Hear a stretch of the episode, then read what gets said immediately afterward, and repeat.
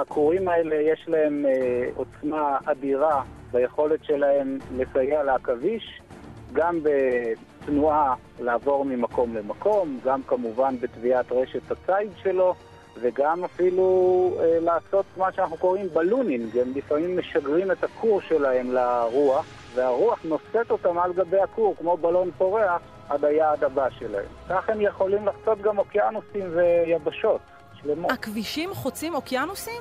כן, תחשבו שהכור הזה עולה, לוקח את העכביש לגובה עצום, והוא פשוט מעיף אותו עם הרוחות, והוא נוחת איפה שהוא נוחת. יכול להיות שהוא ינחת במקום לא טוב, שתיעצר הרוח. אבל זה הימור. אז מרוויל לא נסחפו עם uh, ספיידרמן. לא, ממש לא. מה עושות האיילות בלילות?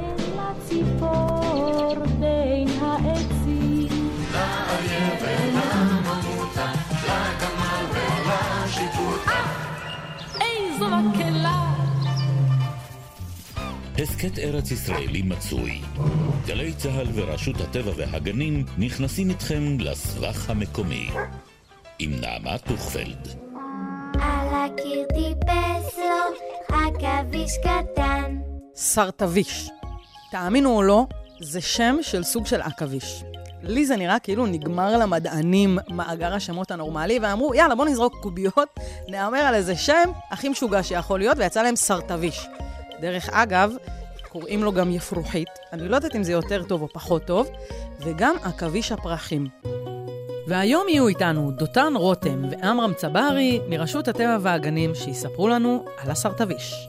דותן רותם, אקולוג ברשות הטבע והגנים, שאוהב מאוד פרוקי רגליים ובעלי חיים קטנים במיוחד, ואני אתחיל בשאלה המתבקשת מאליה. למה אתה אוהב אותם? כמו כל יצור חי, יש בהם את החן שלהם ואת המיוחדות שלהם. יצורים פריקים מפרוקי הרגליים, שמסוגלים לעשות כמעט כל דבר שאפשר לחשוב עליו, מתנועה על קירות, על תקרות, על הבגדים, לעשות ספיידרמן, לשלוף איזה כור ולהעיף אותו באוויר ולהיות אחריו. פתאום באמצע הבית יורד לך מהתקרה איזה יצור כזה מדהים. כורים הם בעצם אה, חלבון שהעכביש מפריש מתוך אה, פטמיות תביעה שיש לו בקצה הבטן, וברגע שהחלבון הזה מופרש הוא מתקשה, והופך לאחד מהחומרים הכי חזקים בטבע. אתה חייב להסביר לי את המשפט הזה, כי זה משפט כזה, אתה יודע, על, שאני אף פעם לא הבנתי אותו עד הסוף. הרי אפשר לקרוע אותו בקלות. אנחנו משווים את זה, אם היינו מייצרים חוט פלדה בעובי של כור עכביש, הכור עכביש היה חזק ממנו פי 30. וואלה. יש היום כל מיני חברות כבר הרבה שנים בעולם שמנסות, אולי גם מצליחות, לייצר או בגדים או בדים שהבסיס שלהם דומה לכורים של עכביש, ויש לזה תכונות אה, מדהימות בעוצמה ובחוזק שלהם. אז uh, היקום של מארוול, אתה אומר, קטן לעומת uh, המחקרים שלך ומה שאתה רואה בשטח. ובעצם אני מבינה שמדובר במערכת שהיא לא רק החרקים האלה שאנחנו, אתה יודע, מוצאים לפעמים עם מטאטא או אימא'לה ג'וק, אלא ממש מערכת אקולוגית שלמה שעל בסיסה יושבות מערכות נוספות חשובות מאוד. עכבישים הם קבוצה בפני עצמה. בתוך אה, מערכת פרוקי הרגליים יש את אה, סדרת העכבישאים, שבתוכה אנחנו מכירים את העקרבים, עקרבות, עקריות, קרציות וגם עכבישים. תגיד, למה אין להם יחסי ציבור טובים? אני חייבת לשאול, באמת. אה, כמו הרבה דברים קטנים שאנחנו יותר מפחדים מהם כי אנחנו לא מכירים אותם. אה, סיפרו לנו שיש להם ארץ, אה, שהם פוגעים באנשים, והרבה פעמים מקרי הקיצון הם אלה שמובילים בדעת הקהל. אנחנו מכירים את זה מתחומים אחרים גם. כשרוב העכבישים בסך הכל הם מאוד ידידותיים, גם לנו בתוך הבית וגם לסביבה בכלל. הם טורפים, אה, בתוך הבית הם יכולים להפחית את היתושים, את אותם ג'וקים שאנחנו לא אוהבים.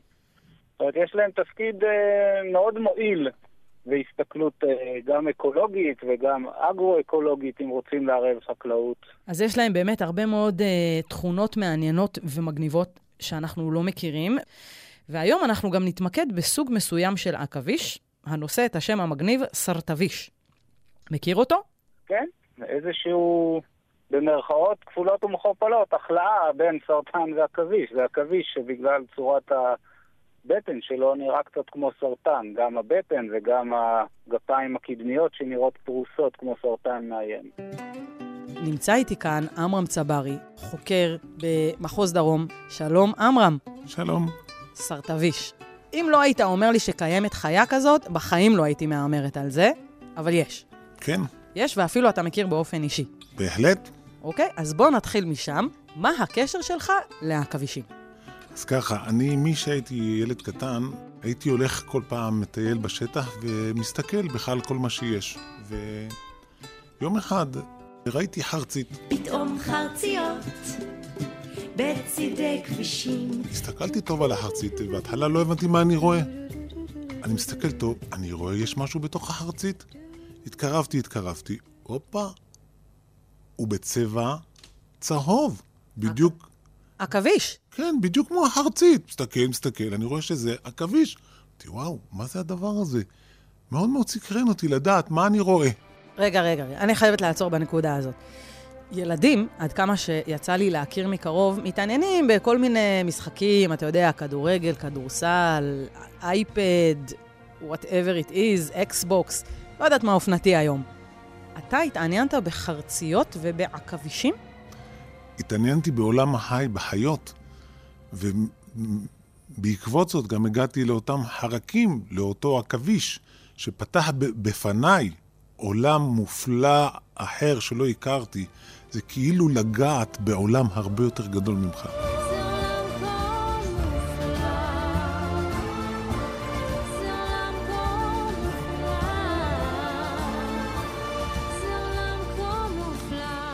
בעצם, אם היית מישהו אחר, אז יכול מאוד להיות שהיית רואה חרצית וממשיך הלאה.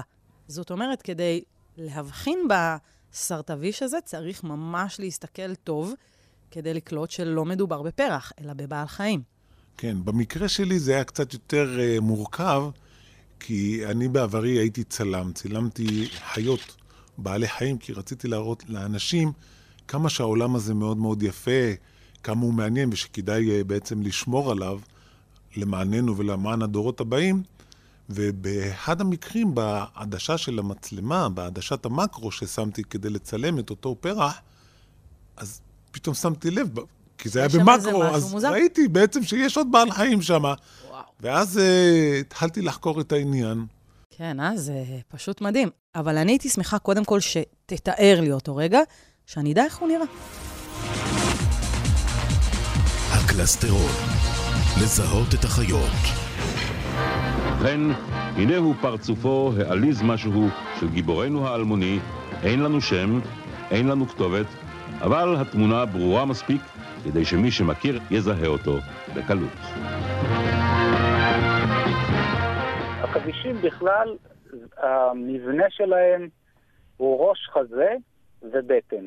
אנחנו משווים את זה הרבה פעמים לחרקים, שלהם יש שלוש חטיבות גוף, שזה ראש, חזה ובטן, ובמקרה של עכביש קוראים לזה ראש חזה, במילה אחת, ואז יש את הבטן הגדולה. אז במקרה של הסרטביש, הראש חזה הוא באמת קטן, שם יוצאות שמונה הרגליים שמאפיינות עכבישים, ואז יש לו בטן מאוד uh, גדולה, uh, שמקנה לו אולי גם את השם הזה, מעבר לא, לאותם uh, רגליים קדמיות שמופנות קדימה, גם החלק האחורי של הגוף הוא מאוד רחב, זה נראה כמו גוף של uh, סרטן. הוא לא הולך לצדדים אבל, נכון?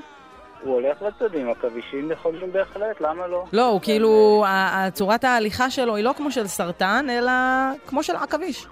כן, אבל כמו סרטנים, ברגע שיש לך שמונה רגליים, אתה יכול ללכת לאן שאתה רוצה. אנחנו עם שתי רגליים הולכים לכל הכיוונים, אז הם עם שמונה. וואו. איזה דילמה, מה להפעיל קודם. לאן ללכת קודם? אתה צודק לגמרי, אני צריכה לחשוב על זה קצת. מראה כללי. אז מדובר בעכביש בערך בגודל, בדרך כלל מה שאנחנו רואים זה את הנקבה שהיא הרבה יותר גדולה, אה, פחות או יותר משהו כמו סנטימטר אחד או שתיים, רגליים קדמיות מאוד מאוד ארוכות. בעצם מסתכלים עליו מקרוב, הרגליים הקדמיות שלו, הוא ממש נראה כמו סרטן. מאפיינים מיוחדים. אנחנו בהחלט יודעים שרוב העכבישים האלה הם בצבעים של לבן וצהוב. אבל לפעמים יש מינים אה, שיכולים גם לקבל צבע, צבעים ירקרקים או ורדרדים, שכאלה, זה תלוי איפה בעולם, אבל פה בארץ זה לרוב לבן, צהוב וקצת ורדרד. אנחנו מדברים על בעל חיים שיכול להתאים את עצמו לצבע הפרח שהוא עומד עליו, כמו אולי בדומה לזיקית? במידה רבה לעיניים שלנו, כשאנחנו מסתכלים בספקטרום של אור נראה, העכביש נראה שהוא מתאים את עצמו לצבע של הפרח שהוא נמצא עליו. אבל אם נזיז אותו לפרח שהוא לא לבן או לא צהוב, אה, כנראה שהצבע לא ישתנה במהרה לאותו צבע. אם הוא יהיה על פרח כחול, הוא כנראה לא ייראה לנו כחול. אז תגיד, באמת, זה עניין אותי הקטע הזה. לוקח לו זמן לשנות או לחזור לצבע הקודם שלו אפילו כמה ימים, נכון? כן, לוקח לו אה, בין שעות לימים. זה כנראה תלוי בכמות אה, אה, חלבון מסוים שהוא אה, מייצר על מנת לעשות את השינוי צבע הזה. טוב, זה תשמע... וזה זה תלוי במצב גופני, אם הוא אכל קודם, אם הוא רעב, אם הוא... ולכן זה תלוי הרבה פעמים בחילוף החומרים ובקצבים שהוא נמצא, הוא חשוף לשמש, אז יותר חם לו, ועוד אה, נתונים שכאלה. הבנתי, אז התפקוד הגופני והמנטלי שלו תלוי בכמה טוב הוא אכל באותו יום. אני חושבת שאני אשתמש בזה בתור טיעון גורף גם אצלי. זה נשמע כמו אחלה... לדעתי כולנו משתמשים בזה כטיעון גורף. כל הזמן. המעבר מצבע לבן אה, לצהוב לוקח עשרה ימים. אה, וואלה. אם היא עוברת מפרח שהוא צהוב לפרח לבן, ייקח לה עשרה ימים להגיע לצבע הלבן. דרך אגב, אם זה הפוך... צריך לשלוח זימון ביומן, כאילו עוד עשרה ימים מחליפה צבע. כן, הפוך, דרך אגב, זה ארבעה ימים. אוקיי? חזרה? כן, חזרה זה ארבעה ימים. עכשיו, לפעמים יכול להיות שאם אנחנו נצא לטבע ונראה את הסרטביש הזה, למשל על חרציץ והוא לבן, אז צריך להבין שהוא כנראה עבר לשם בימים האחרונים, ועוד לא עבר מספיק זמן כדי לקבל את הצבע. וואי, עכשיו, זה מדהים. אתה יכול להסביר לי למה זה ככה? כל הרעיון הוא הסוואה. ההסוואה בעצם בעולם הטבע זה מה שנקרא דני דין. רואה ואיננו נראה. נכון, דני דין.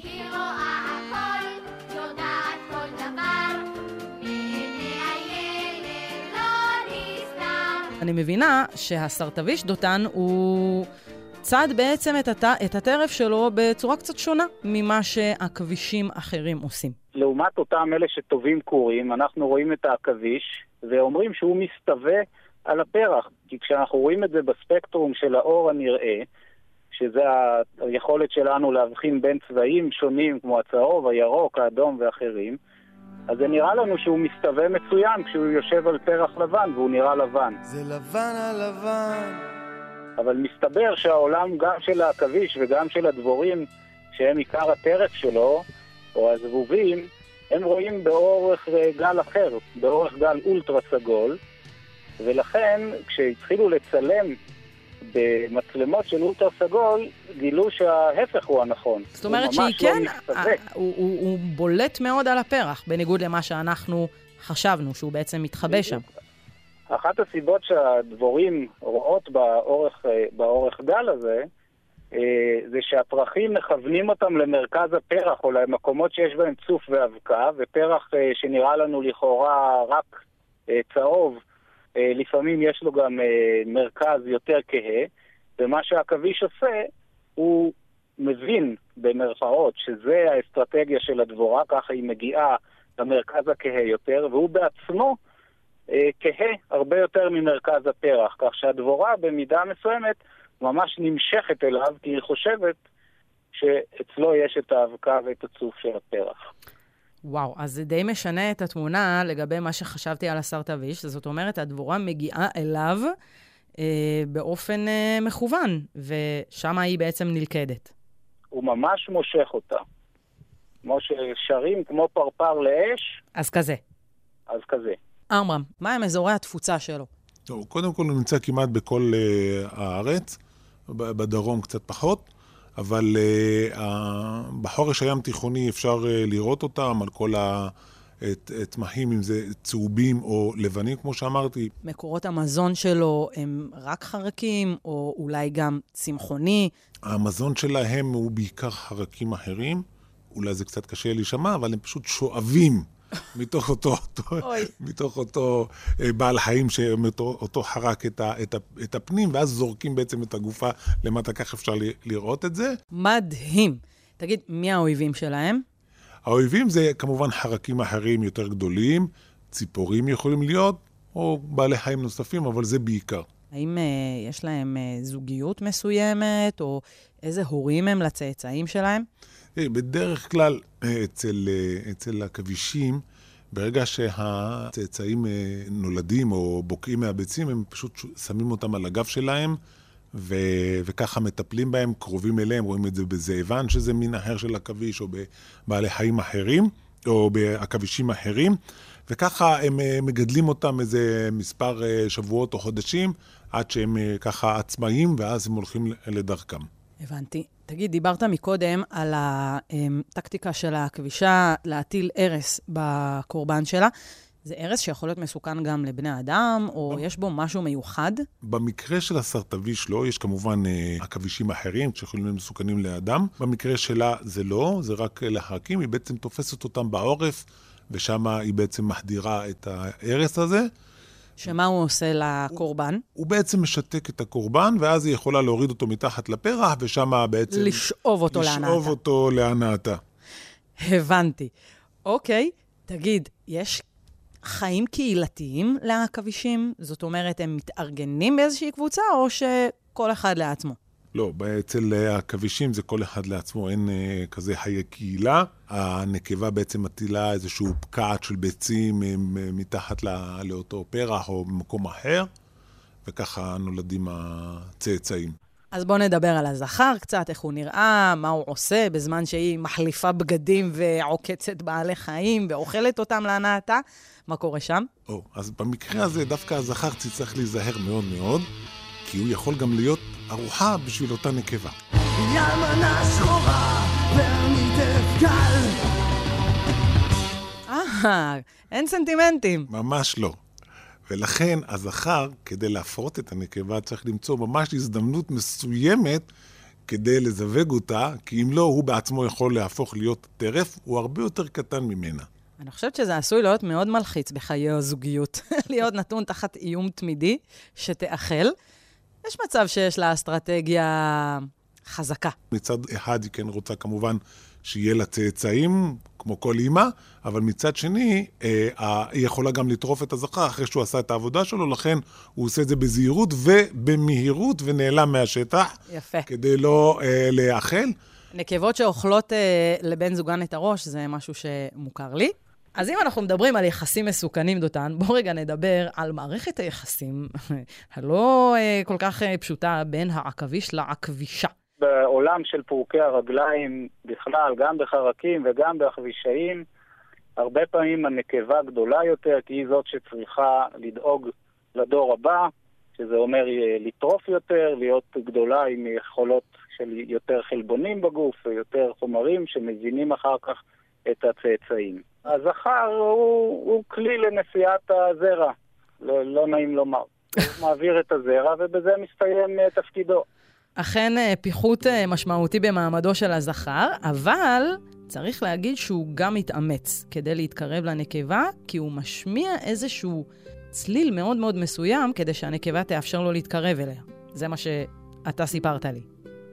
נכון, במידה רבה חלק מהתחושות של העכבישים, העכבישים עם הרשתות שלהם או עם האמצעים שהם מפעילים, הם בעצם מגדילים את, ה... את היכולת שלהם לחוש את הסביבה. והכורים שהם טובים, אולי לא במקרה של הסרטביש, הם בעצם מגדילים את טווח הרגישות שלהם לסביבה, וכשמישהו מתקרב ודורך על הכורים, הם יודעים שהגיע טרף ואפשר לטרוף אותו. במקרה הזה, עכביש זכר לא שונה מכל אה, חרק אחר. ולכן אם הוא רוצה להתקרב לנקבה, הוא צריך עכשיו לפרוט, פשוטו כמשמעו, לפרוט על הכורים על מנת שהנקבה תדע שיש פה משהו אחר, והיא יכולה לתת לו אה, להגיע קרוב יותר. והיא שומעת את התדר הזה, ובעצם, אה, מה שנקרא, מסירה את ההגנות, את מערכת החיישנים, והוא יכול להתקרב אליה. נמסה בהתקרב הנסיך האביר על הסוס הלבן, לחלוטין. אך? מכירה את כל ההגנות ומאפשרת לו להתקרב. מתקרב, הכל סבבה, אבל אז הרומנטיקה אה, מתפוגגת שוב, כי הוא יכול לסיים את האירוע ללא ראש. נכון. בסופו של דבר, אה, טרף ככלל, לטרוף בטבע זה אירוע שהוא אה, נדיר יחסית וקשה להשיג מזון, ולכן ברגע שהוא העביר את אה, תיק הזרע או את הזרע לנקבה, אה, הוא יכול כבר לשמש כמזון, הוא יכול לעבור לתפקיד הבא שלו באבולוציה ולהיות חלק מהחלבונים שהיא צורכת, ובכך היא כבר מוכנה יותר אה, מבחינה גופנית אה, לדור הבא. וואו, זה מה שנקרא למסור את נפשך על הדור הבא, פשוטו כמשמעו. לא יכולה לחשוב על תסריט יותר מרתק מזה באמת לכל גיבורי העל באשר הם. תגיד, עמרם, אנחנו הרבה פעמים מדברים על uh, בעלי חיים שיש עליהם איומים סביבתיים, שאפילו נמצאים בסכנת הכחדה. מה מצבם של הסרטווישים בנושא? במקרה הזה הם לא בסכנת הכחדה, הם באמת נמצאים במצב טוב, אבל צריך תמיד לזכור כולנו כמובן מתחברים לנמרים ולבעלי החיים הגדולים והיפים שאנחנו מכירים, אבל בלי החרקים ובלי המערכת למטה, בעלי החיים הגדולים לא יוכלו להתקיים, כי צריך להבין איך עובדת שרשרת המזון, או איך בעצם הטבע מתקיים. או, אז זו בדיוק השאלה הבאה שלי. Uh, היום אנחנו מבינים שמערכות אקולוגיות שלמות תלויות בחרקים. Uh, פעם נהגנו להסתכל עליהם בעיניים של ילדים, אתה יודע, חיפושית, נמלה, זה קטן. אבל היום אה, אנחנו יודעים, והמחקרים מראים את זה, שמערכות אקולוגיות שלמות תלויות בבעלי החיים האלה. איך זה בא לידי ביטוי כאן, למשל? זה כמו לקחת רכב, לפתוח את מכסה המנוע ולהביא חייזר, ולהגיד לו, בוא תוציא עכשיו בורג מה, מהרכב, מהמנוע. ברוב המקרים, הבורג הראשון שהוא יוציא, הרכב ימשיך לנסוע. אבל עוד בורג ועוד בורג ועוד בורג, בסוף הוא יוציא איזשהו בורג שאו שהרכב יתחיל לקרטע, או שהוא פשוט, פשוט לא ייסע. זה פחות או יותר מערכת אקולוגית. הבעיה המרכזית היא, שהיא, היא שאנחנו אף פעם לא יודעים איזה בורג בדיוק במערכת הוא הבעיה, ולכן אנחנו צריכים לשמור על הכל, כי זה בדיוק העניין, יש ביניהם יחסים, ולא תמיד אנחנו מבינים את כל היחסים האלה, mm-hmm. וכך לשמר את המערכת האקולוגית גם לטובתם, אבל גם לטובתנו. האם אנחנו היום יכולים להגיד שהמערכת הזאת היא מאוזנת, או שיש שם איזושהי סכנת הכחדה ואנחנו צריכים לעשות משהו בקשר לזה? בהחלט שצריך לעשות משהו, כי אין מה אין לעשות, אם אנחנו מדברים על ארץ ישראל, מפגש של יבשות בין אפריקה, אסיה ואירופה. לכן יש לנו מגוון של בתי גידול, ובגלל שיש מגוון של בתי גידול, יש מגוון של מינים. ארץ ישראל היא ממש אי של שמירת טבע במזרח התיכון. אם אנחנו לא נשמור על הארץ הזאת, אף אחד אחר לא ישמור עליה. כן. וגם אנחנו מביאים לפה הרבה מאוד אנשים, וגם אנחנו באנו לפה, והארץ הולכת ומתמלאה באנשים, שזה כמובן בא על חשבון השטחים הטבעיים, כי אנחנו בונים וכולי וכולי, וחקלאות, וכל מיני חומרים שמדבירים בחקלאות, שגורמים כמובן נזקים לאותם חרקים שהם חיוניים לנו, והנה לך תמונה לא כל כך טובה, ש... ולעתיד שיכול להיות לא טוב. מה באמת אנחנו יכולים לעשות כדי לשמור על המערכת האקולוגית הזאת, כדי כן לשים לב לבעלי חיים הקטנים, אך משמעותיים מאוד, ובעצם לתת להם את אזורי המחיה שלהם מבלי לפגוע בהם, וגם לדאוג לפיתוח האנושי. אז קודם כל זה כמובן קשור בתכנון נכון, אוקיי? בהסברה, במניעה של כל מיני חומרים שיכולים להזיק גם להם וגם לנו. קצת התחשבות, זה כל מה שצריך. אתה חושב שאם אנחנו היום אה, מתכננים אה, שכונה או פסי רכבת וכולי, אה, אנחנו צריכים לבדוק איך זה משפיע על הסרטוויש, למשל? הסרטוויש הוא חלק מהמערכת, אוקיי? במערכת הזאת יש הרבה מאוד מאוד משתנים וגורמים. בהחלט צריך להתחשב במערכת האקולוגית, כי אם אנחנו לא נתחשב בה, בסופו של דבר אנחנו נסבול, אנחנו, האדם יסבול מהדבר הזה, א', ב', אין לאדם זכות, לא ערכית, לא מוסרית, לא חינוכית, לא תרבותית, לא כלכלית, לא חברתית, להכחיד יצור אחר. אם תוסיפי לכך שאותם בעלי חיים, אותו טבע, שליש מכלל התרופות בעולם מגיעה ישירות מהטבע ומוצאים כל מיני תרופות מהטבע או מיסודות בטבע, אם אנחנו נכחיד את זה, יכול להיות שנכחיד דברים שיעזרו לנו. אז זה גם בעניין הזה לא, גם מבחינה אה, אה, צרה ועם רווח והפסד מבחינתנו. הרבה פעמים הבעיה של בעלי החיים זה שאנחנו מכניסים אותם לקטגוריות בראש. אלה רעים, אלה מגעילים, אלה דוחים, איכס, תולעת. כאילו, אני חייבת להגיד שגם הרבה פעמים לי אה, יש איזו צמרמורת מבעל חיים מסוים. ואז יכול להיות שזה גם גורם לנו אה, פחות לחשוב עליהם כאיזשהו משהו שהוא חיוני לנו. אז אם נחזור לתחילת השיחה שלנו, אתה, עמרם, גרמת לאנשים להתאהב בבעלי חיים דרך תמונות, דרך צילום, ובעצמך התאהבת. ועכשיו נתת לנו, מה שנקרא, את המידע הזה שאתה אה, גילית על בעלי חיים קטנים, שאף אחד לא שם לב אליהם, כמו סרטוויש. ואולי מעכשיו נשים לב יותר. בהחלט, ואולי חלק מכם ירצו להמשיך עוד קצת הלאה ולעשות עוד צעד נוסף וללמוד עוד קצת על יצורים האחרים של הבורא שעוזרים לנו ועושים כל מיני דברים מדהימים והם בעצמם מדהימים, וככה להבין מה החשיבות של הבעלי חיים לנו ובכלל. עמרם צברי, אני חושבת שאני קצת מאוהבת בסרטוויש. תודה רבה לך על השיחה הזאת. תודה לך. דותן רותם, אקולוג שטחים פתוחים בחטיבת המדע, רשות הטבע והגנים, תודה רבה לך על השיחה המרתקת הזו. תודה לכם ולהתראות. לאבא עכביש הייתה אישה עכבישה, פעם הוא הלך בכביש והיא אותו פגשה. העכביש הורג מופלא ובתביעה אומן, עכבישה הייתה יפה וכך התחיל רומן, עכבישה הייתה יפה וכך התחיל רומן. עד כאן הסכת ארץ ישראלי מצוי. נגיד תודה לעורכת איילת טריאסט, למפיקים שלנו מרים בלוך, אלון אביטל ורועי קילקר. טכנאי השידור בירושלים בן רוטשטיין וצביקה אליהו, על העריכה הטכנית צוות טכני גלי צה"ל, ותודה לאנשי רשות הטבע והגנים שלומית שביט, רותם וידר כהן, דניאלה תורג'מן ואבישג איילון. אני נעמה טוכפלד, ואנחנו ניפגש בהסכת הבא. מה עושות האיילות בלילות? לציפור בין העצים.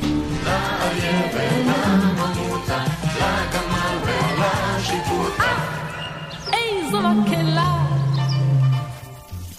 הסכת ארץ ישראלי מצוי. גלי צה"ל ורשות הטבע והגנים נכנסים איתכם לסבך המקומי.